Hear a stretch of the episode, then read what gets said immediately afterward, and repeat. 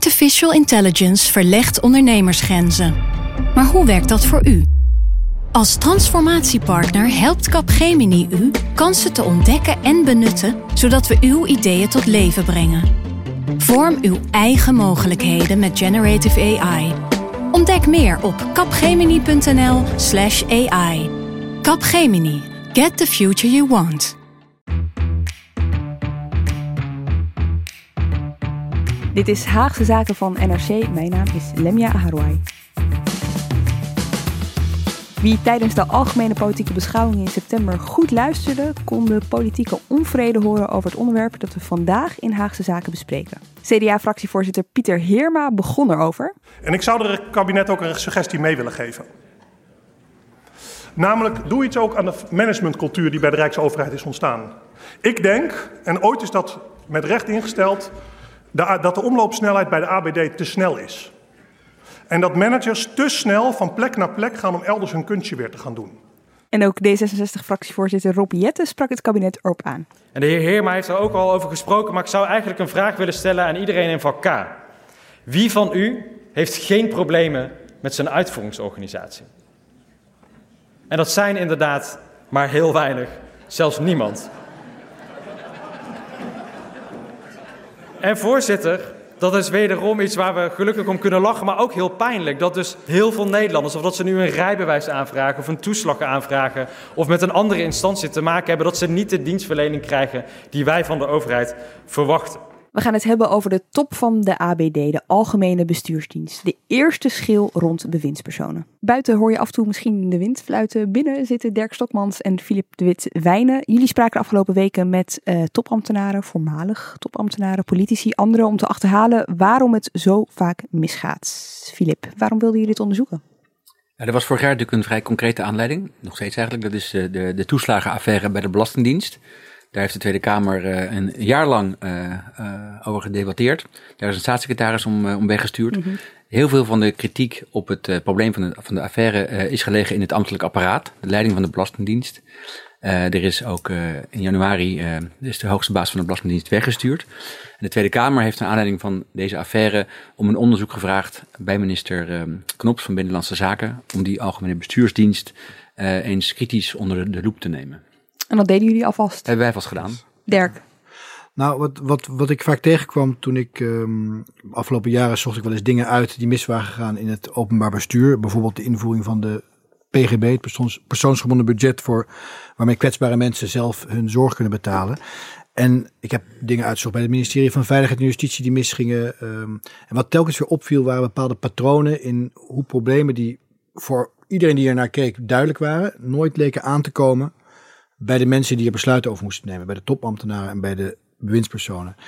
En als je dat maar vaak genoeg ziet, dan ga je toch denken dat daar iets structureels aan de hand is. Dat is voor mij een belangrijke reden om hierin te duiken. Ja, en wat jullie eigenlijk hebben gedaan is spreken met een beroepsgroep die nooit of bijna nooit uh, met naam en toenaam in de krant wil, ambtenaar namelijk, of überhaupt met journalist wil praten. Hoe was dat, was dat moeilijk? Ze mogen ook niet, hè? Ja. De ambtenaren mogen niet uh, uh, zonder hun bewindspersoon of buiten om zomaar met buitenstaanders spreken we hebben alle twee volgens mij een, netwerk op basis van de verhalen die we eerder schreven. Dus je belt nog eens mensen op, wil je daar toch een keer over praten? Uh, ik denk ook wel dat bij veel van hen het gevoel echt is dat er echt een groot probleem aan het ontstaan is, of al ontstaan is.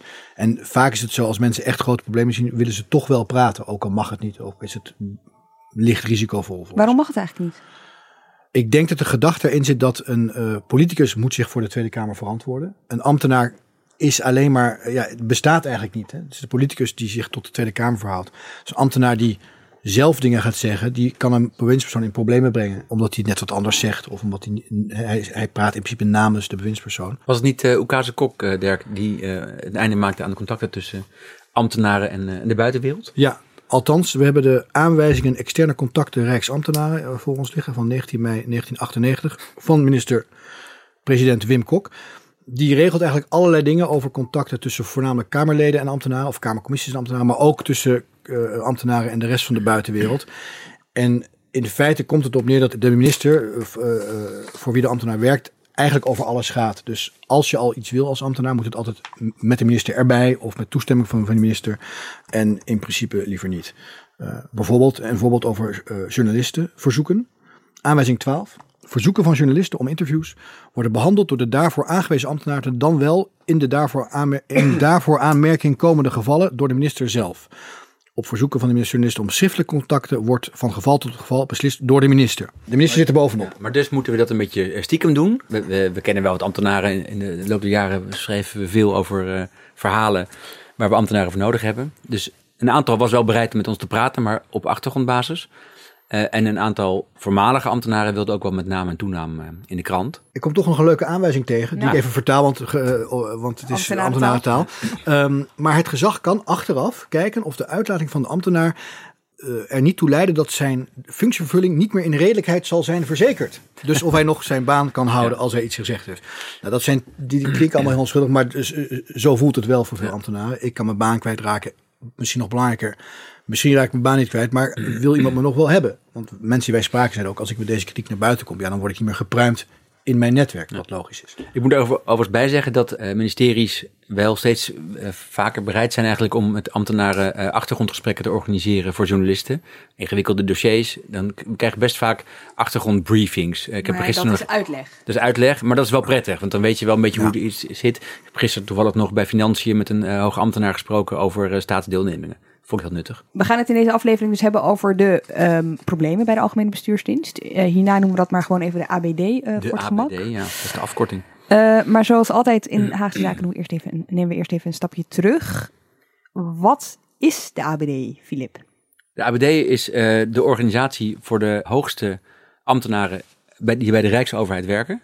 Het gaat om, er zijn 130.000 Rijksambtenaren ambtenaren in Rijksdienst. Dus dat is niet gemeente en niet provincie en niet uh, de politie en niet onderwijs en defensie. Dus echt mensen die voor departementen werken. En de top daarvan, dat zijn 1400 functies. Vanaf, nou zeg maar, hoofden van afdelingen, uh, directeuren van bepaalde directoraten. Uh, en de top daar weer van, dat is de topmanagementgroep. Dat zijn er een stuk of 90, kleine 90.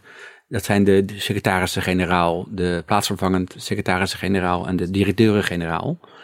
En die zitten in dat systeem van de ABD. Vanaf een bepaald salarisniveau um, kom je in aanmerking voor die managementfuncties. Uh, schaal 15, schaal 16, Dirk, dat is het ook weer. Schaal 15, ongeveer vanaf uh, 5, uh, 5400 euro, bruto in de maand. En, en de, top, uh, die toplaag, die die topmanagementgroep, die zit in schaal 19. Dat zijn de hoogste salarisschalen. En dan zit je echt, ik heb een heel lijstje hier bij me. Schaal 19 is ongeveer vanaf 8000 euro bruto in de maand. Maar goed, uh, en het systeem, uh, het is een onderdeel van minister, het ministerie van Binnenlandse Zaken. Er zit ook een, een, een, een kantoor bij, bureau ABD heet dat. Zit dat en, ook bij Binnenlandse Zaken? Ja, nou die hebben een aparte, aparte toren in Den Haag. Maar die, or, die organiseren eigenlijk de werving, de selectie, de opleiding van deze topambtenaren van potentiële topambtenaren. Ze proberen te kijken uh, elders in, uh, op de arbeidsmarkt of er geschikte kandidaten zijn om bepaalde functies te vervullen. Het is eigenlijk zo, zeg maar, personeelszaken van de top van, een, uh, van de ambtenarij. Oké, okay, maar die ABD bestaat dus uit 1400 managementfuncties. Ja. En dan heb je de ABD top. Dat zijn er 90. En dat zijn er 90. Top managementgroep. Want je hebt ook nog ABD top consult. De top managementgroep is de toplaag van die ABD, van de. Algemene Bestuursdienst. Dat zijn er 90? 90. En een onderdeel daarvan, dat zijn uh, acht mensen die zitten bij de, top, bij de ABD Top Consult afdeling. Dat zijn de, zeg maar, de, de overheidsconsultants die, die, die interim klussen of uh, onderzoeksopdrachten doen. Wat voor klussen doen die mensen?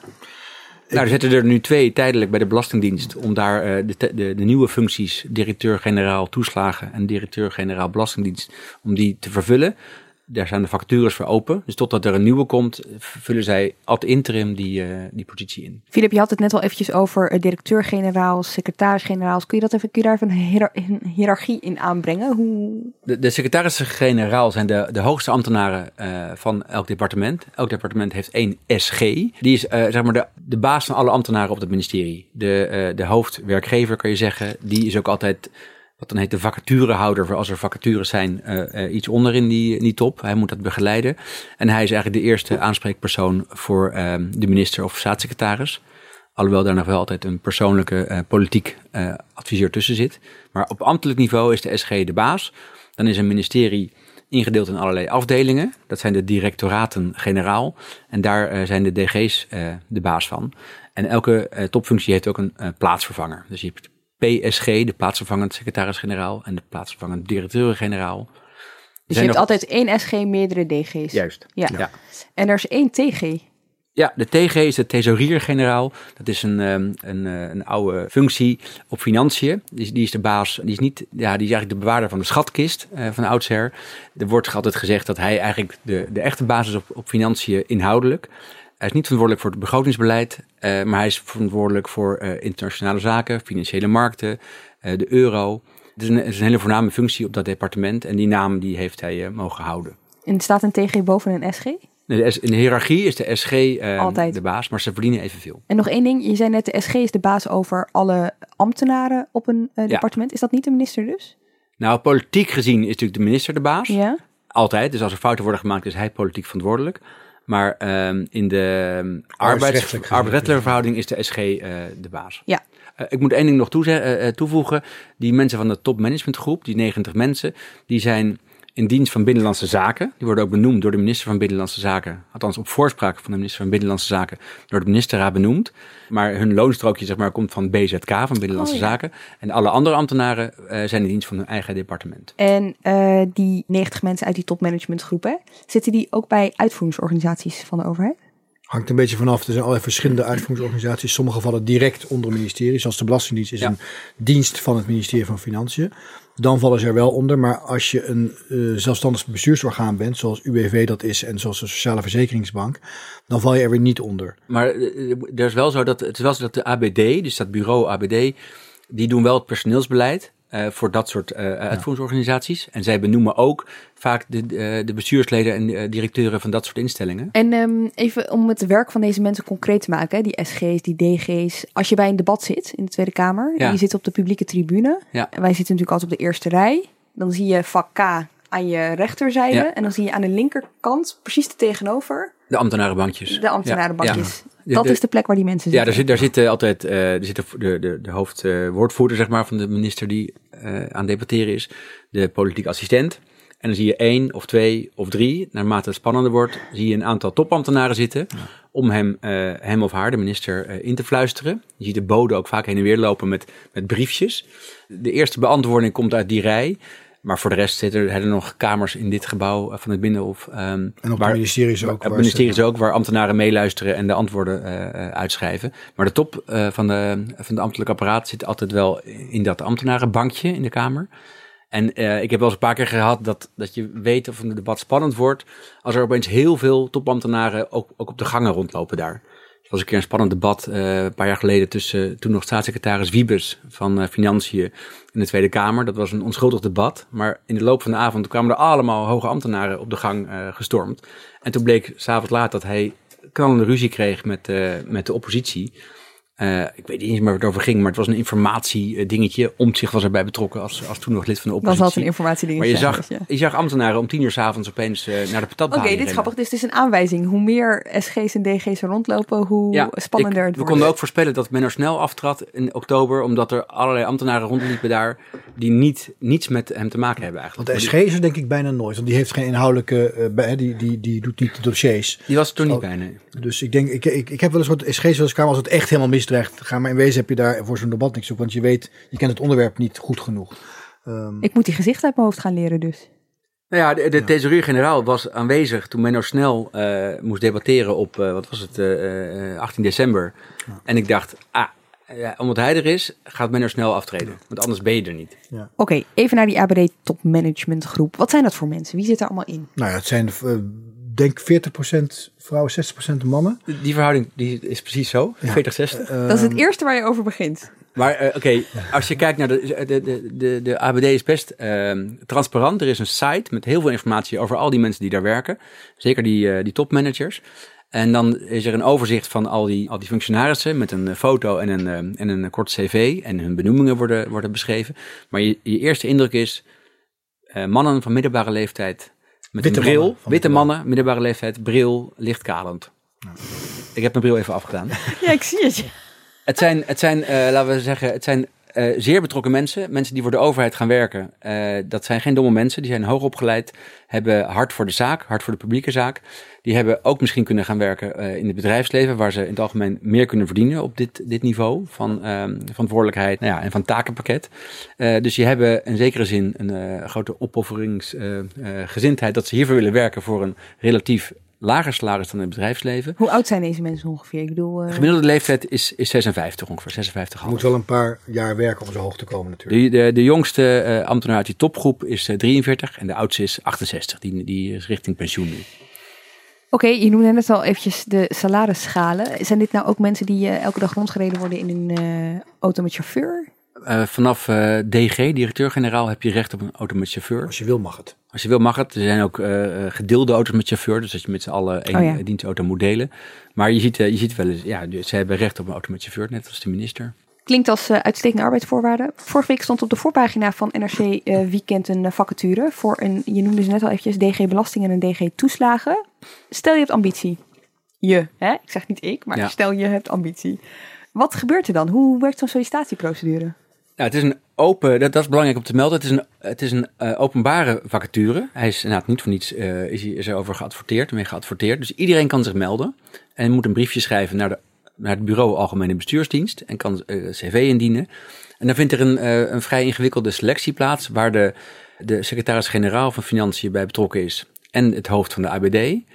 Het lijkt mij slim als je die mensen kent. Dat, je, dat lijkt me handig dat, je, dat ze weten, jij, bent, jij komt in aanmerking voor die functie en eh, je kent elkaar. Ehm, het is ook best handig als je de bewindspersoon zou kennen. Er zijn nu twee nieuwe bewindspersonen op eh, financiën eh, over, die over de Belastingdienst gaan. Dat kan helpen, denk ik, want die bewindspersonen hebben altijd een zegje over wie komt te solliciteren, wie wordt er als kandidaat naar voren geschoven en wie wordt het uiteindelijk.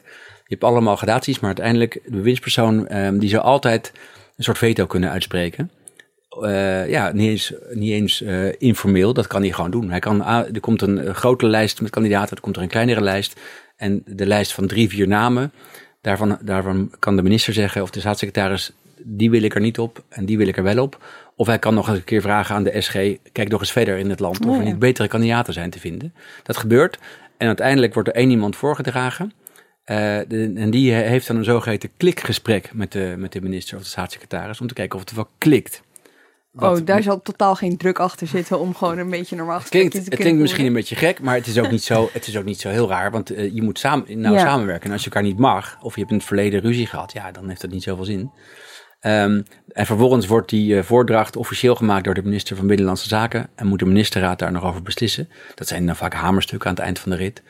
Eh, maar die selectie die is, die is best streng. Je hebt, je hebt eindeloos veel gesprekken. En als je nieuw bent in die TMG-groep, dan, eh, dan moet je ook eh, allerlei ehm, eh, psychologische onderzoeken, word je gescreend. Ehm, je krijgt assessments, een soort beoordelingsonderzoeken. Ja, want even voor duidelijkheid, want dat snap ik dus niet helemaal. Je hebt die twee vacatures. We weten, de- degene die daarop die daar terechtkomen, die komen dus in die ABD topmanagementgroep terecht. Betekent niet dat er per se uit die ABD topmanagementgroep wordt gerecruiteerd voor zo'n... Niet per se. Niet per se. Ze Je mag er wel op solliciteren. Ja. Ze hebben wel moeite met mensen van buiten, op dat niveau, mensen van buiten naar binnen halen. Misschien ook door imago, maar ook als je op dat niveau werkt, wat Filip net zei, heb je vaak in het bedrijfsleven al veel hogere salarissen. Het is ook een complexe plek vaak, eh, Ja. zeker nu bij de Belastingdienst. Ehm, dus, dus ze proberen volgens mij heel, heel Ja. naarstig eh, om mensen van buiten naar binnen te halen. Want Niet alleen is het eerste beeld dat, de, dat het witte mannen van middelbare leeftijd zijn. Je ziet ook vrij veel overlap in achtergrond, opleiding. De mensen die spraken, daar blijkt ook wel uit. De cult, er is een hele, er is een, eh, een gemeenschappelijke cultuur die ook niet zo gezond is. Dus de ABD ziet dat ook en probeert echt mensen van buiten binnen te halen. Maar het is lastig. Ja, het is heel lastig. Wij hebben eh, in ons overzichtje van die 90 mensen hebben we één iemand gevonden die echt uit het bedrijfsleven kwam. En die is in 2017 benoemd. En dat is dus echt, is echt heel weinig. Eh, Er hebben wel mensen het bedrijfsleven gewerkt, Ja. tijdelijk. Iemand bij McKinsey, iemand bij een verzekeringsmaatschappij. Maar er is in dat overzicht wat wij hebben eh, eh, onderzocht, was er maar één iemand die echt uit het bedrijfsleven kwam. Hey, en hoe zit het nou andersom? Stel dat er, kijk, dit zijn natuurlijk twee functies eh, bij de Belastingdienst waar een groot afbreukrisico Ja. bij komt kijken. Stel het lukt niet om iemand voor te vinden, kunnen ze dan ook tegen die ABD-topgroep zeggen: Ja, jongens, iemand van jullie zal het moeten doen? Dat lijkt me wel, ja. Want dat is een functie die moet worden ingevuld. Eh, je kunt niemand dwingen met een eh, pistool op de borst. Maar er zal, je, je kunt Een beroep doen op Je kunt een beroep op, eh, op iemand doen. En je kunt ook zeggen van als je dit nu even vier jaar doet en probeert het klus te klaren, dan kun je daarna misschien nog iets Want er zitten moois- mensen in die pool die eventjes niks hebben. Dat klopt. En Ja. hij, ze, die functies worden nu ook tijdelijk ingevuld door die, door die Ja. consultants van Topconsult. Die kunnen dat ook nog een tijdje blijven doen natuurlijk. Eventjes naar ehm, hoe de ABD ooit begon. Want om die situatie nu te begrijpen is het wel goed om eventjes terug de tijd in, ga- in te gaan naar 1995. Ja. Toen werd de ABD ingevoerd, Dirk. Ja. Waarom? Was er toen een concrete behoefte of aanleiding om dat te willen? Er waren een aantal redenen waarom, waarom dit idee bedacht is. Eh een van de redenen was dat eh, voor die tijd het algemene beeld was... je kon binnen, vers van de universiteit, van de hogeschool, van weet ik veel waar... als lage ambtenaar op een ministerie. En in de loop der 40 jaar klim je langzaam, langzaam omhoog. En als je dan rond de 60 bent, dan tikt als je mazzel hebt... eh, secretaris-generaal aan of directeur-generaal of directeur doet er niet toe. Maar je bent helemaal in dat ministerie opgegroeid en dat ministerie is ook je leven. Je snapt de taal, maar wat je vooral niet snapt is alles wat daar buiten is. Want je bent nooit buiten geweest. Een van de ideeën van die algemene bestuursdienst was om mensen tussen ministeries te laten roleren. Omdat natuurlijk de overheid voor burgers niet het ministerie van Landbouw is of het ministerie van Verkeer en Waterstaat. Als je boer bent heb je misschien met beide beleiden te maken. Dus het idee was, ja, we moeten meer samenwerken, ook tussen de ministeries. Een ander belangrijk punt was, eh, was dat eh, politici zich soms behoorlijk geïntimideerd voelden door de ambtenaren die al heel lang zaten. Want die wisten gewoon veel meer. En die kenden het, eh, eh, hun eigen ministerie veel beter, maar ook eh, het maatschappelijk veld. Hè, dus de, de lobbyorganisaties, dat soort mensen. Dus een bewindspersoon wordt een soort van voorbijganger. Een en- passant, hè? De, ja, dus dus er, is een, er is een anekdote, of die klopt, weten we niet. Maar hij wordt vaak aangehaald van eh, eh, ehm, een DG Cultuur, volgens mij. Een directeur-generaal Cultuur bij het ministerie van Onderwijs, Cultuur en Wetenschap. Die, werd, eh, die had zijn klikgesprek met eh toenmalig secretaris Rick van der Ploeg van de PvdA. Rick van der Ploeg schijnt hem gevraagd te hebben: joh, hoe lang zit je hier nog? Want hij zat er toen al, ik zeg het uit mijn hoofd nu, 18 jaar. En toen zei de directeur-generaal tegen hem: langer dan jij. Eh, nou, dat was een beetje, dat is altijd een goed voorbeeld voor die verhoudingen. Dus er was angst voor kokervisie, een soort, Ja. Verkokering. Verkokering, Ja. inderdaad. En ehm het werden een soort koninkrijkjes van die Het werden koninkrijkjes. En, en je moet, kijk, als je al, stel je voor, als je eh, al 15 jaar ergens, ergens eh, eh, secretaris-generaal bent, dus de hoogste ambtenaar. Al die ambtenaren onder jou, die hebben zich helemaal gezet naar jou toe. Jij bent de echte baas. En als je dus verandering wil, of je, dat is gewoon ontzettend moeilijk. Dus, dus nou, de- eigenlijk hadden die, die SG's meer macht intern en ook wel extern eh, richting beleid dan de, dan de bewindspersoon die, die toevallig even daar zat omdat hij uh, uh, omdat, omdat hij in het Verkozen kabinet was. zat. Ja. Ja. Door een eh, coalitie die verkozen was. Dus kwam die ABD en daar is een soort van regel bij bedacht. Ja. En eh, daar komen drie cijfers bij kijken, 3, 5, 7. Ja, het idee is in theorie eh, dat het je hangt een beetje vanaf hoeveel je al weet, maar het kost je ongeveer drie jaar om echt vol op stoom te komen. Hè. Dus de eerste drie jaar ben je nog aan het leren, je bent je aan het ontwikkelen. Idealiter zit je ergens minimaal vijf jaar, want dan kan je na die drie jaar ook nog twee jaar echt scoren. Hè. Dus, dus echt goed werk voor je minister of je staatssecretaris doen. Als, je, als het echt heel lekker gaat en iedereen is blij, dan blijf je nog twee jaar plakken, tot zeven jaar. En dan zou je op zoek moeten gaan naar iets anders. Moeten. Ja, nou ja, Voor, dat, voor, die, dat, voor, dat voor is idee. topgroep ja. eh, geldt eh, maximaal zeven jaar. Maar, maar dat is veranderd, want dat, dat zeven jaar was eerst zeg maar een soort streven, hè, een, een, een, een inspanningsverplichting. Maar eh, eh, mensen die wij spraken zeiden, Rutte heeft op een gegeven moment een harde regel van gemaakt. Als je zeven jaar, je krijgt gewoon een dienstverband voor zeven jaar. En als het dienstverband afgelopen is, ben je gewoon weg daar. Of je nou goed of slecht functioneert, je moet gewoon weg. Je komt dan vaak terecht bij eh, eh, het uitstroomklasje, de ABD Topconsult, of op een andere plek. Je, je wordt buitengewoon adviseur Ja. in dienst van Binnenlandse Zaken en dan, en dan krijg je de klusjes ook. Dan Maar ga dan je dus krijg je twee jaar de tijd. Ja, dat, dat is een, uit, uit, uit, eh, een afvloeingsperiode van twee jaar maximaal. Dus, en dan, ben je, dan, dan sta je op straat. Dus eigenlijk Als je niet iets anders jaar. vindt. Dus eigenlijk is het negen jaar. Nou ja, je, Nee, maar die functie mag je maar zeven jaar invullen. Ja. Dus, Oh, dus ja. dan heb je nog twee jaar een soort, eh, je moet klusjes doen. Hè? Bijvoorbeeld eh, als, als interim directeur-generaal of een rapport schrijven. Maar in die twee jaar moet je iets anders vinden, anders ben je weg. En jullie onderzochten de roulatie binnen die ABD. En Ja, blijk- vooral van, top, eh, van de, to- die topgroep. Precies. Daar geldt die verplichting van zeven jaar. Die maxima, de andere, de gewone ABD'ers, zeg maar de gewone managers, daar wordt het wel van verwacht, maar is het niet verplicht dat je Ja. na zeven jaar weg bent. Hoe vaak werd er gerouleerd binnen die topgroep? Wat je ziet aan de huidige lichting van die topmanagers, die 89 eh, topambtenaren, is dat de helft ervan op dit moment eh, twee jaar of korter op zijn functie zit. Dus die is nog relatief onervaren op die plek. Eh, als je kijkt naar de functies die ze daarvoor hadden, de plekken waar ze daarvoor zaten, zie je dat eigenlijk bij de afgelopen drie functies nog geen derde van die groep de vijf jaar haalde. Dus het, ideaal zou je kunnen zeggen. En we zien ook dat rond een derde überhaupt de drie jaar niet haalt. Ehm, dus dat is, dat is niet de bedoeling. Dat Hoe is- komt dat? er zijn allerlei verklaringen die we hoorden. Ehm, die zeven jaar, die harde zeven jaar, is een belangrijke. Stel je voor, je zit ergens vier, vijf jaar. Het gaat lekker, maar je weet ook, zoveel vacatures op mijn niveau komen er niet voorbij. Je weet ook, als ik over twee jaar niet iets nieuws heb gevonden, ben ik de Sjaak. Oh, Dus je gaat niet wachten tot zes jaar, hoe lekker het ook gaat. Nou, dat is, dat is één ding. Het andere is, er wordt heel erg getrokken. Je ziet ook, eh, dat hebben we niet echt tot de bodem uitzocht, maar anekdotisch zie je wel dat uh, de, de Algemene Bestuursdienst heeft het voornemen om bij elke vacature minstens een vrouw in de, in de kandidaten te stoppen die ze presenteren. Je ziet dat vrouwen, sommigen wel veel sneller van functie verwisselen, want er wordt meer aan getrokken. Um, en je ziet ook, en dat zijn meer de politieke redenen, um, snel wisselen is ook veiliger. Um, als je ergens lang zit, kan je ook dingen verkeerd doen. Uh, je kan beleid bedenken wat, uh, wat helemaal niet werkt. Je kan uh, iets stoms hebben gedaan waardoor de minister in de problemen komt. Maar het lijkt me tegelijkertijd wel problematisch. Want er is dus wel een, een, een, max aantal jaar vastgesteld, maar dus niet een minimum aantal jaar dat je ergens moet zitten. Jawel, uh, in principe is het het idee dat je drie, drie jaar het volhoudt. Maar, maar, dat is niet zo vaststaand nee, als die zeven jaar. Solliciteren staat ja. vrij. En je wordt wel eens gevraagd. Hè? Dick Schoof die was uh, hoe lang hoofd van de uh, IVD? Een jaar.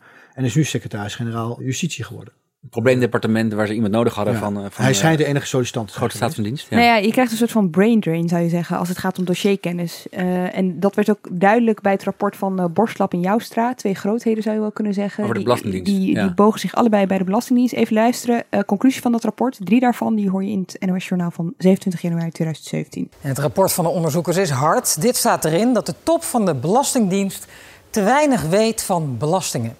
Communicatie en besluitvorming is niet professioneel. Ze hebben te weinig goede mensen en middelen in huis.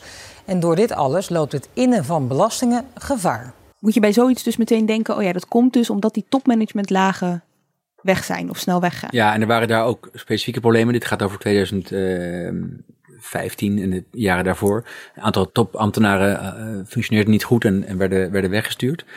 Maar het probleem dat, uh, dat uh, top ambtenaren geen kennis hebben van het terrein waar ze topambtenaar zijn, is, uh, dat horen we, hebben heel veel van mensen gehoord. En we hoorden ook dat, uh, we spraken met een bewindspersoon die zei, ik trof een SG en die vond het helemaal niet nodig om de specifieke kennis te hebben, vakinhoudelijk. Want die zei, ik moet als moderne manager die informatie alleen maar kunnen bundelen, bundelen en, uh, en, analyseren en dan doorgeven aan de Tweede Kamer of aan een bewindspersoon. Dus er is ook een verschil van opvatting in, in hoeverre heb je vakinhoudelijke kennis nodig. Maar het, is, het feit is, de laatste, uh, nou, het laatste decennium, laten we het even ophouden, is er heel veel inhoudelijke kennis bij uh, ingewikkelde departementen en uitvoeringsdiensten weggecijpeld op deze manier door het relatiesysteem. Eigenlijk, als ik dit zo hoor, zou je dus kunnen spreken van een baantjescarousel. Nou, zo wordt er in de Tweede Kamer en in kranten over gepraat en geschreven. Het heeft er ook wel wat van weg. Hè. Dus, dus je, als je er eenmaal in zit, blijf je er vaak lang in zitten. Al was het maar omdat je uh, de wereld goed kent. En er niet zoveel animo is van buiten uh, die wereld om erin te stromen. Um, ja, en, en, en, je moet nou eenmaal elke, maximaal elke zeven jaar, maar in de praktijk dus veel vaker, moet je, moet je schuiven. Dus er wordt veel geschoven tussen die functies. Maar er gaan ook wel mensen weg. Uh, er gaan mensen met pensioen. Er gaan mensen naar uh, een andere uh, sector, buiten de overheid werken. Gewoon nieuwe mensen binnen. Maar heerst er niet een enorme ons kent ons sfeer ook? Ja, men kent elkaar heel goed. En dat heeft, dan kun je zeggen, ja, dat is heel vervelend. Maar ja, dat heb je bij het bedrijfsleven ook misschien wel. Ik sprak een ambtenaar uh, twee weken terug, een, een hoge ambtenaar nu, een secretaris-generaal. Die zei: Het heeft ook een voordeel als je elkaar kent. Want we vertrouwen elkaar, we kennen elkaar en we, uh, we hoeven elkaar geen kunstjes te flikken. Want je komt elkaar altijd weer tegen. Ja, soms letterlijk. Want je kan zomaar de baan op een gegeven moment ja. krijgen van degene die je ja, wil precies. Dus je moet een beetje rekening met elkaar houden. Ja. Oké. Okay. We hoorden aan het begin Jette Heerma hun onvrede uitspreken over die ABD. Dat gevoel is breder gedeeld in de Kamer. Tijdens het debat over de belastingen uh, kwam er zelfs een motie van de VVD. Kamerlid Helma Lodders om uh, onderzoek te laten doen naar die dienst. En voorzitter, ik heb in mijn inbreng een aantal woorden ge gewijd aan de Algemene Bestuursdienst. De Kamer gehoord de beraadslaging, constaterende dat er een Algemene Bestuursdienst bestaat, de ABD, waar topambtenaren roleren door de Rijksoverheid heen. Overwegende dat hieruit de prikkel kan ontstaan om slecht functionerende ambtenaren weg te promoveren, tussen aanhalingstekens, naar andere delen van de overheid. Verzoekt de regering het functioneren van de Algemene Bestuursdienst te onderzoeken en daarbij specifiek te onderzoeken hoe voorkomen kan worden dat slecht functionerende ambtenaren weggepromoveerd worden. Ja, dit was, uh, dit was bij het debat over de Belastingdienst in uh, begin december. Het was een beetje buiten de orde van de Belastingdienst zelf, maar die toestand daar was wel een aanleiding voor de kritische blik uh, van de Kamer op die, uh, op die topambtenaren. Het speelde ook bij justitie in de zomer met, het, met de val van Harbers. Hij was verkeerd ingelicht over cijfers. Uh, over criminaliteit bij uh, asielzoekerscentra. Het interessante is dat dit een uh, motie is door drie coalitiepartijen. dus die motie is ook aangenomen, pas in januari. Hij is overigens wel genuanceerd, want het, woordje, het werkwoord wegpromoveren is geschrapt. Wat tussen aanhalingstekens Nee, het werd gezegd van, gevraagd te onderzoeken hoe ambtenaren naar een andere functie worden overgeplaatst of zoiets. Neutraal, wat neutraler. Ja. Uh, en toen gingen andere mensen daar ook voor, uh, uh, voor stemmen. Um, dus het, het, het is aangenomen? De, ja, en het beeld van de Kamer, ook bij de Belastingdienst, is dat ambtenaren die slecht functioneren, altijd weer landen op dat plateau van die, van die ABD. En er dus mee wegkomen. En mee wegkomen en dan weggepromoveerd. En het is ja, waar en niet waar er zijn, een, er zijn een paar voorbeelden van uh, ambtenaren die bij de toeslagen hebben gewerkt en die dat hele hardvochtige uh, fraudebeleid uh, hebben aangewakkerd al jaren geleden. En ouders in grote problemen gebracht. Dat bleek, bleek allemaal onterecht te zijn geweest. er werden mensen financieel totaal uitgekleed die verantwoordelijke ambtenaren, die, die, zijn, uh, die zijn nu niet meer tot de orde te roepen, want die zijn, uh, hebben een andere plek gekregen binnen de Belastingdienst. En uh, heel veel ouders die spreken deze mensen aan en hun advocaten hebben zelfs aanklachten ingediend. De Tweede Kamerleden die dit nu zeggen, die zeggen, dat waren de voorbeelden van het wegpromoveren, mensen die fout hebben gemaakt. En terwijl klokkenluiders bij de Belastingdienst, die de problemen aan de kaak hebben gesteld, die worden gestraft. Die verliezen hun, hun werk of die worden... Die worden maar klopt dat beeld? Nou, het is een beetje over. Het is, het, is een zo. Het, is een metafoor. Uh, voor een, het staat voor iets, zeggen ze. Er zijn een paar voorbeelden van mensen die bij toeslagen hebben gewerkt, die gewoon een andere functie hebben gekregen. Eigenlijk gewoon volgens het doordraadsysteem van de ABD. En de, de, de, hoogste ambtenaar van de Belastingdienst is natuurlijk in januari gewoon weggestuurd. Die zal niet meer terugkomen bij, uh, bij de Belastingdienst of bij Financiën. Maar wel bij, uh, weet ik veel, sociale nou, zaken? Nou nee, er wordt nu gezegd, hij wordt nu bijzonder adviseur. Uh, die zal niet terugkomen in de ABD. Ik denk dat die, dat die man door minister Hoekstra echt is, echt is weggestuurd. Maar je moet ook niet vergeten, er wordt altijd de, vergelijking gemaakt met het bedrijfsleven. Daar worden mensen gewoon de laan gestuurd. Maar dat gaat altijd met een enorme zak geld. En mensen zeggen ook tegen ons van ja, weet je, stel je voor de minister stuurt iemand de laan uit, zo'n ambtenaar. En schuld is moeilijk aan te wijzen, want die ambtenaar doet niks zelf. Dat gaat niet, en het is ook niet, vaak niet vastgesteld, dus het is niet op papier. Maar als, de, als die minister naar de Kamer zegt, uh, gaat zeggen, joh, ik wil die topambtenaar ontstaan, uh, ik wil graag twee ton op mijn begroting daarvoor gebruiken, ik maar wat, zegt de Kamer echt geen ja. Nee. Dus je hebt hem die mogelijkheid om mensen zomaar eruit te gooien, is er eigenlijk ja, de facto en, uh, ambtenaren zijn op zich goed beschermd, arbeidsrechtelijk gezien. En inderdaad, de Tweede Kamer is ook allergisch voor het woord uh, gouden handdruk. Mm. Ja. Dus uh, het is helemaal niet zo gek dat die mensen dan nog wel een andere baan binnen de overheid vinden. Je moet, dit zijn geen mensen die zeg maar de strafwet hebben overtreden of zo. Hè? Of de, de, de nou, misschien ook, wel, er wordt dat, aangifte ook gedaan. Dat wordt ook gesuggereerd wel door... ja, dat zou kunnen. Maar, maar we hebben natuurlijk het, het falen van een ambtenaar. Dat is een arbeidsrechtelijk eh, gegeven. Dus je moet ook aantonen als werkgever. Je moet een dossier opbouwen. Je moet, nou, dat, ja. Ik kan me niet voorstellen dat het met topambtenaren Ja, en, en de baas die weg is gestuurd bij de Belastingdienst, die was daarvoor baas bij het vastgoedbedrijf van de overheid. En dat heeft hij goed gedaan. Dus je, als je ergens faalt, dan kun je misschien in een andere functie in de overheid misschien nog wel goed functioneren. Deze nuance klinkt niet altijd even in de Kamer. En uh, ik heb het gevoel dat er ook iets nieuws bij is gekomen, namelijk dat um, ambtenaren bij naam worden genoemd door Kamerleden die uh, hun onvrede uiten. Ja, dat is not done, want uh, ambtenaren kunnen zich niet publiekelijk verdedigen. Je hoort niet te praten met ambtenaren, uh, nee wij niet, maar wij doen het stiekem wel. Maar, maar, maar de Oekase Kok, maar de Tweede Kamer, de, de, de, controleurs van de regering, die, die moeten met de bewindspersoon praten, met de politiek verantwoordelijke. En je ziet in, bij affaires zoals deze, of bij justitie eerder, dan gaan, ze, dan gaan ze toch zoeken naar schuldigen in het ambtelijk apparaat. En daar zijn ministers allergisch voor. Dat gebeurde bijvoorbeeld toen Renske Leijten uh, over de ambtenaren begon in de toeslagenaffaire. Hè. Mark Rutte werd er toen heel boos over. Maar het, gaat, het geeft geen pas dat de minister-president zo emotioneel wordt om een stelletje draaiende Ach, topambtenaren. Gaat ze weer, ja. Ja. Een stelletje draaiende topambtenaren. Dit is toch een uitspraak die je als een serieus Kamerlid niet kan doen, Renske. Dit is toch, mevrouw Leijten, het is gewoon niet reëel. Zo kun je toch niet over onze ambtelijke top praten? Nou, Echt. mevrouw Sorry. Renske. Sorry. Mevrouw, mevrouw Renske. Mevrouw Leijten. Ja. Echt, dat kan echt niet. Ik maak er nou, echt bezwaar tegen. slot op dit punt. En als er dingen niet goed ja. gaan, moet je mij erop aanspreken. En dan mag je verwachten dat ik ingrijp. Maar dan, dan zullen we dat wel of niet doen. We zijn het er wel of niet mee eens. En dan gaan we dan waarschijnlijk niet eens over ja. rapporteren aan u. Dan ziet u vervolgens hoe die organisatie verder gaat. Dat is het principe.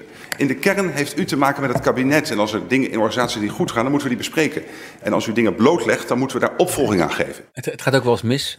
Uh, we hebben ook uh, voormalig minister van Justitie van de Steur gehad die in de bonnetjesaffaire, hij was de tweede minister die daarmee te maken had, hij volgde opstelt op, maar in een van zijn eerste debatten met de Kamer, toen gaf hij letterlijk zelf de schuld aan ambtenaren van de ICT-afdeling. Uh, het enige wat bleek was, zeg ik in de richting van de heer Klaver, dat de informatie die Nieuwsuur aanleverde niet nodig was geweest om het uh, bonnetje te vinden. Dat had een jaar eerder al gekund als ze op de juiste, juiste mensen op de ICT hadden gehad. En daar zat natuurlijk ook de, de fout die gemaakt is. Dat was natuurlijk ook een onvergeeflijke uh, blunder, want daarmee uh, doorbrak hij die wet van je moet, ambtenaren moeten zich niet in de Tweede mhm. Kamer vogelvrij voelen.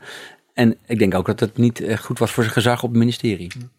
Wat je ook niet moet vergeten, natuurlijk, ambtenaren over het algemeen in de gesprekken die wij hadden, um, zo werd het beschreven, die zijn niet met een eigen toko bezig of zo. Die zijn niet met, ze kunnen toch niks zelf. Ze hebben altijd een, de, de Kamerbrief wordt altijd ondertekend door de minister en staatssecretaris.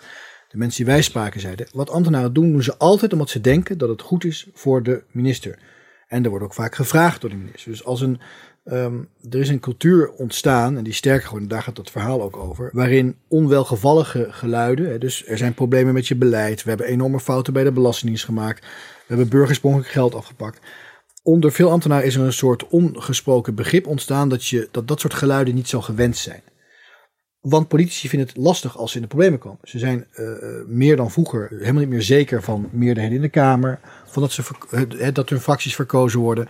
Dus er is, uh, er, is een, er is een mooie anekdote van een politicus die me ooit vertelde waarom politici altijd direct zeggen: nee, klopt niet wat er in de kant staat. die zei: luister, wij zijn. er wordt altijd direct ontkend. Kan niet waar zijn, wij herkennen ons niet in het beeld. de, de krant heeft er een potje van gemaakt. Deze politicus zei tegen mij: wij zijn een soort herten in een bos. Als wij geluid horen, denken we, oh shit, we gaan dood. Dus we rennen weg. Je kijkt niet of het klopt of waar het geluid vandaan komt. Je bent zo bang dat je direct wegschiet. En ja, dat is wat de die schiet weg. Die zegt nee, het klopt niet, uh, ik herken me niet. Nou. Maar dat is dus de kant van de politicus. Jullie beschrijven in jullie verhaal, hè, want jullie spraken dus twintig uh, mensen die er of, die of zelf waren of nog zijn of eromheen hangen, uh, om maar even zo te, te omschrijven je hebt de kant van de politicus die dus meteen weg wil duiken. En je hebt de kant uh, van die ambtenaren die... Die moeten hem daarbij helpen. Die moeten helpen, inderdaad. Ja. Dus hoe help je? Er zijn verschillende scholen. De ouderwetse, traditionele school zegt... het helpt je bewindspersoon juist als je hem vertelt waar die kwetsbaar is. Dus waar de problemen zijn. Want dan kan hij het oplossen. Maar het is ook vaak duidelijk dat het beter zit als sommige dingen gewoon niet naar boven komen. Dus wij spraken ambtenaren die zeggen... ja ik ben regelmatig gevraagd, joh, kan je die mail nou beter niet sturen? Kom even langs op mijn kamer, want dan praten we erover. Als je ergens over praat, is er vaak geen gespreksverslag. Dus het kan niet uitkomen dat je iets wist. Want als je iets niet weet, heb je ook geen schuld of verantwoordelijkheid. Hè? Dus daarom, politie reageert altijd geschokt. Geschokt als er iets misgaat op hun departement of in de uitvoering. Wij spraken ambtenaren, het is toch schandalig dat je geschokt bent? Ja, dat moeten weten. Het geschokt zijn of je is... wist het al lang, maar het ligt niet vast dat je het weet. Ja, maar het is niet beter als je het niet weet. Als je het niet weet, betekent dat je gewoon niet je werk doet. Je moet toch weten dat er bij de Belastingdienst toeslagen uh, tientallen gezinnen zijn die en dat was natuurlijk ook gewoon bekend. Maar dit is iets fundamenteels, want in Kamerdebatten gaat het vaak over de vraag: wat wist de minister? hè? Kijk naar, naar het Hawitja-debat uh, van een tijdje terug. Wie wist wat wanneer? Dat wel of niet weten. Jij noemt net al, Dirk, dus uh, elkaar spreken in plaats van dat je het gaat mailen. Uh, tegenwoordig zijn appjes ook wopbaar. Hè? Dus wij kunnen, of burgers kunnen ook een beroep doen op de wet op ja, We worden van een nieuwe verdwijntruc, zoals we dat hebben beschreven. De, de gele plakkertjes, de post-its. Um, steeds heel veel notities, die gaan dan richting minister en gaan dan weer terug. Daar worden dan kritische uh, kanttekeningen bij gezet, vragen, commentaren of uh, niet doen, dat soort opmerkingen. Die komen steeds minder in de kantlijn terecht. En die, zowel ambtenaren als ook bewindspersonen, die zeggen wij doen het op een geel plakkertje, want dat kun je makkelijk erop plakken. Maar vooral, je kunt het ook makkelijk weer eraf halen en laat geen sporen na. En je ziet bijvoorbeeld ook hè, de, de, de je wil ook liever niet dat iets een probleem is. Dus je bedenkt prachtig, je hebt een prachtig idee bedacht. Het is in het regeerakkoord terechtgekomen. Je gaat de wereld veranderen. En dan zegt iemand, uh, zegt, ja, maar dat kan helemaal niet.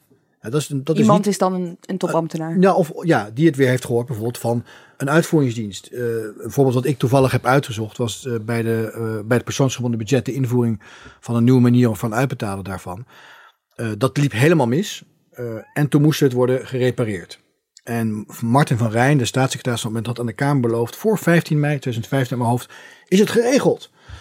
En daar hadden ze een plan voor bedacht. Maar dat plan de, moest worden uitgevoerd door de Sociale Verzekeringsbank. De Sociale Verzekeringsbank stuurde een conceptbrief naar het ministerie. Dat kan niet.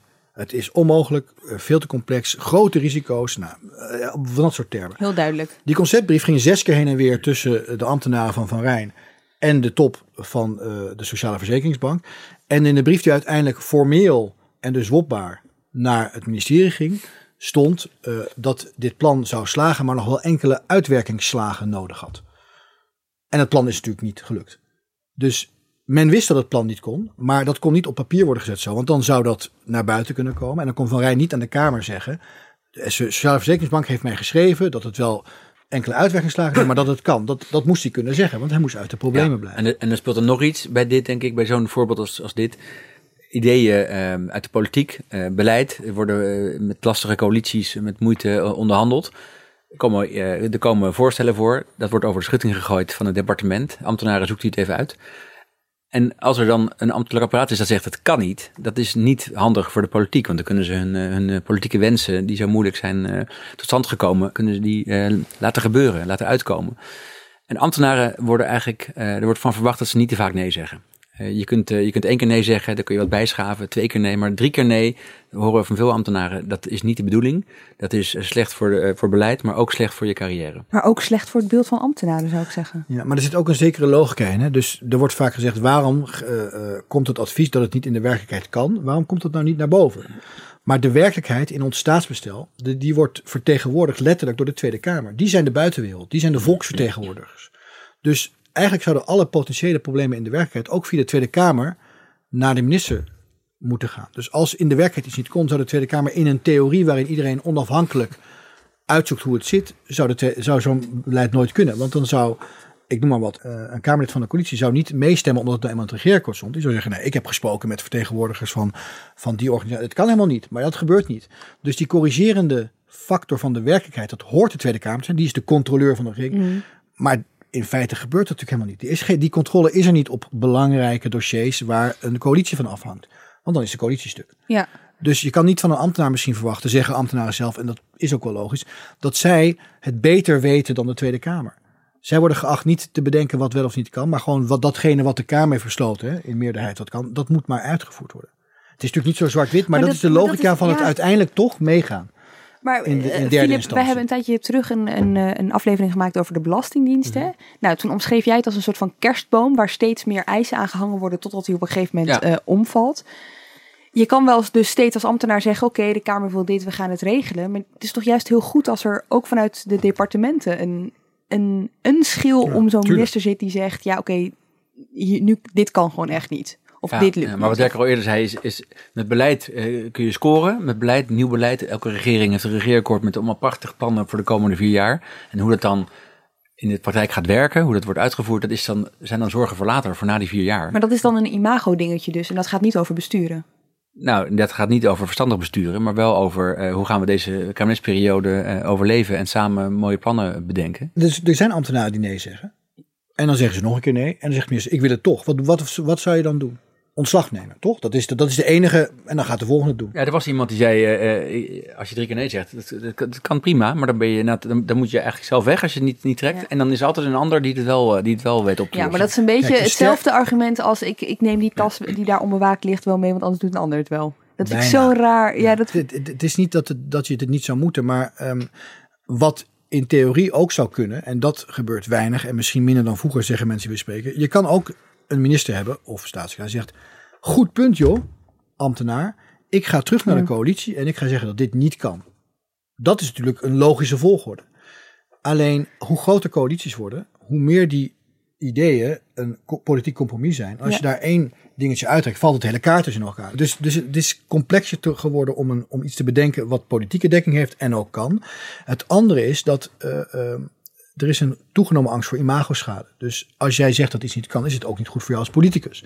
Dus in de, een ambtenaar kan alleen een minister corrigeren, maar die moet wel gecorrigeerd willen worden. Ja, ja. Die kan niet zelf naar de Kamer gaan en zeggen, dan moet hij maar dan moet hij op de Ja. kieslijst gaan staan als hij dat wil. Iemand eh, zei tegen jullie, ja, eh, als ik op vrijdag de deur achter me dicht eh, trek en er is die hele week niks gebeurd. Wat, wat was het nou? Als ik... Ja, al- al- als, als, als, als we niet slecht in de media zijn gekomen, Ja, is het een topweek. Hè? Dus als, we niet, als er geen crisis is, is het een topweek. ja, dat vond ik wel dat heel... is het gevoel. een- ja, En dat is ook, dat, dat, dat zag je bij justitie en, en veiligheid een tijd. Echt het ene na het andere zeer pijnlijke bericht komt naar buiten. Op een gegeven moment is men, zijn mensen alleen maar mee bezig met kamervragen beantwoorden, checken wat er echt gebeurd is, proberen te bedenken waarom het niet aan de minister ligt, of dat ze het niet hadden kunnen weten. Dus je bent helemaal niet meer bezig met wat wil ik over drie jaar bereiken. Heel Gewoon, incidentgedreven. En eh, de angst voor, oh, eh, mo- moet mijn minister straks naar het vragenuurtje, hoe gaan we dat dan weer eh, Maar is dat regelen en managen? is het een angstcultuur? Ja, in zekere zin wel, ja. Je wil niet dat fouten naar buiten komen via de media, via WOP-procedures. Uiteindelijk via eh, de Tweede Kamer. Dat, Ja. dat jouw minister, jouw eh, bewindspersoon zich, eh, ehm, zich moet verantwoorden in de Kamer over een bananenschil die misschien op het ministerie is, is gelegd. En het lijkt me dan dus niet helpen dat die DG's of SG's er dus ook maar relatief kort zitten. Want het lijkt me hoe langer je er zit, hoe, met hoe meer autoriteit je kan zeggen: oké, dit is gewoon niet handig. Dan dat je er korter zit dan de minister En je weet het misschien geen eens. Als je ergens net een jaar zit, hoe weet je dan wat handig is of niet? Je hebt helemaal geen kennis om tegen te spreken. Je, je, je weet, je, je snapt het beleid misschien zelf nog niet goed genoeg. En de minister kan ook zeggen, joh, je zit er pas een jaar, wat weet jij? Dat kan ook nog. Wat zeggen oud-bewindspersonen die jullie hebben gesproken hier zelf over? Eén die we spraken, die zei van, ja, weet je, natuurlijk, je wil eigenlijk de ideale ambtenaar, die, die eh, waarschuwt je voor alle bananenschillen. Dus die, die, die krijgt een enorme bak dossiers op zijn bureau. En dan ziet hij precies, wat wordt een probleem later? Dat moet ik naar de minister brengen. En wat kan ik zelf afhandelen? En dat handelt hij zelf af. Die keus is al best lastig, want je kan natuurlijk niet altijd in de toekomst kijken. Zeker als je dus nog maar weinig ervaring hebt op, op, in die functie. Ehm, maar de, eh, ze zei ook van, ja, weet je, ik vond het ook wel prettig als niet de hele dag problemen op mijn bureau kwamen. Ik had al genoeg problemen. Dus dat, dat is natuurlijk ook heel menselijk. Hè? Dus als, als, als je, ja, je wil niet elke dag binnenkomen bij de minister en zeggen, god, ik heb weer iets.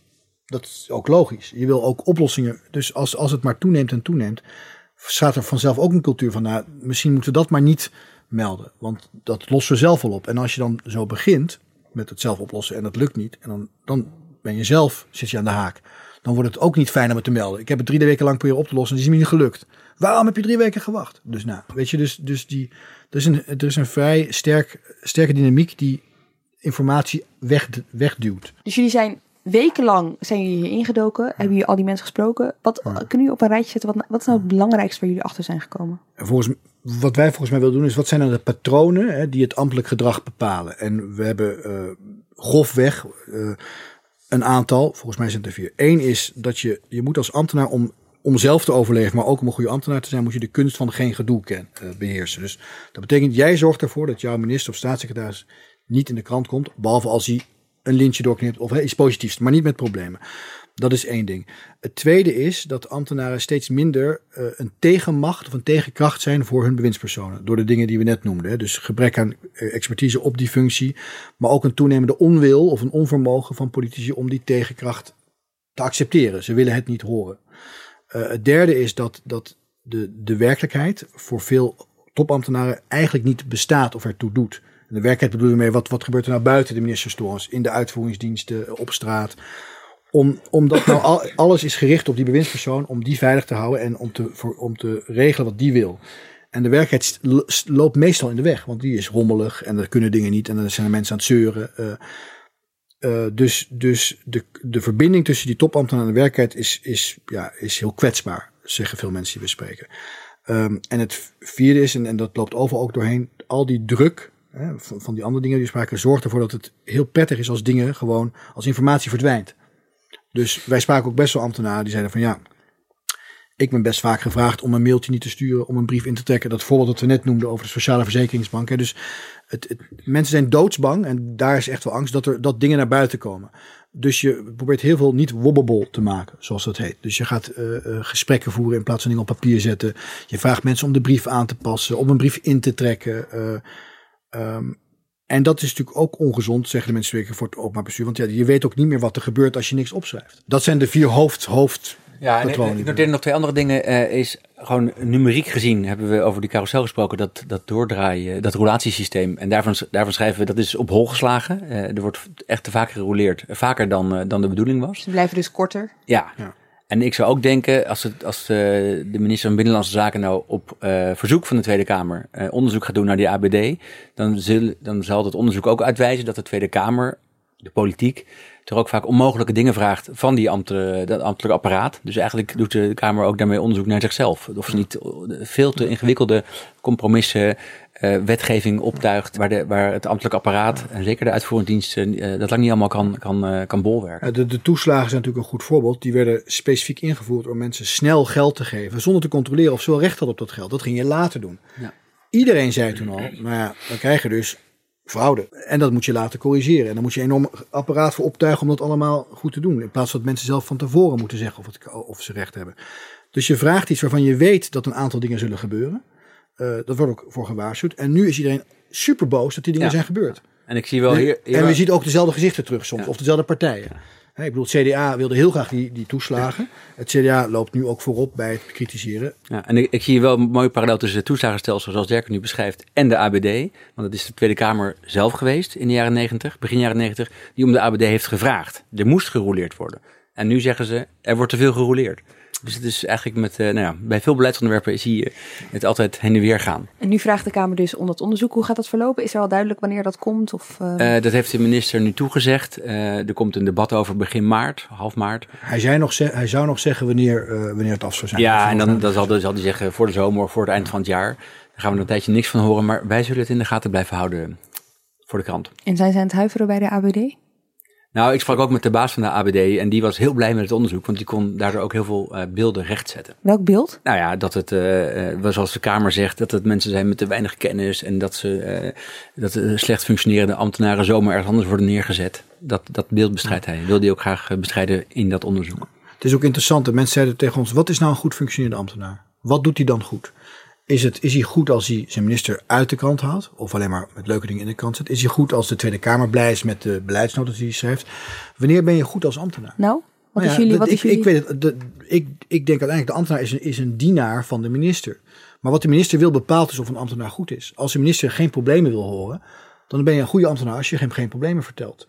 Maar dan voor, de buitenwereld ben je dan misschien. Dus snap je, dus in het bedrijfsleven, als je winst maakt of het aandeel gaat omhoog, hè, of, of je kan de kosten omlaag brengen. de- de- het is iets eenvoudiger soms Ja. om succes te meten. Maar het beeld dat jullie schetsen, is het, is het meer iemand die ehm, de minister imago-technisch moet dienen in plaats van inhoudelijk moet Dat is in de balans wel echt verschoven. Dat, dus die absolute loyaliteit aan het, aan, aan, aan het beschermen van die minister, boven wat je het algemeen belang zou kunnen noemen, dat de mensen die wij spraken zien dat dat wel verschuift. Ook omdat bewindspersonen Naar dat imago vragen. bedoel je? Naar imago, Ja. omdat bewindspersonen dat vragen. Dat eisen. Met die opbeurende conclusie eindigen we deze aflevering van eh, Haagse Zaken. Dank jullie wel, Dirk Stokmans en Filip de Wit-Wijnen. Dank ook voor het luisteren.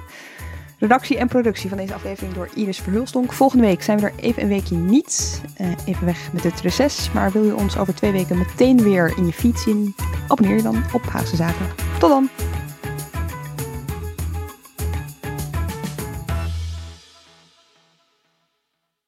Je hebt aardig wat vermogen opgebouwd. En daar zit je dan, met je ton op de bank. Wel een beetje saai, hè? Wil jij, als belegger, onderdeel zijn van het verleden of van de toekomst? Bridgefund is een slimme fintech die een brug slaat tussen de financiële behoeften van ondernemers en van beleggers. Dus wie belegt bij Bridgefund krijgt niet alleen een mooie vaste rente, maar brengt ook ondernemers in beweging. Echt waar, met die ton kan je zoveel betere dingen doen. Bridgefund. Make money smile.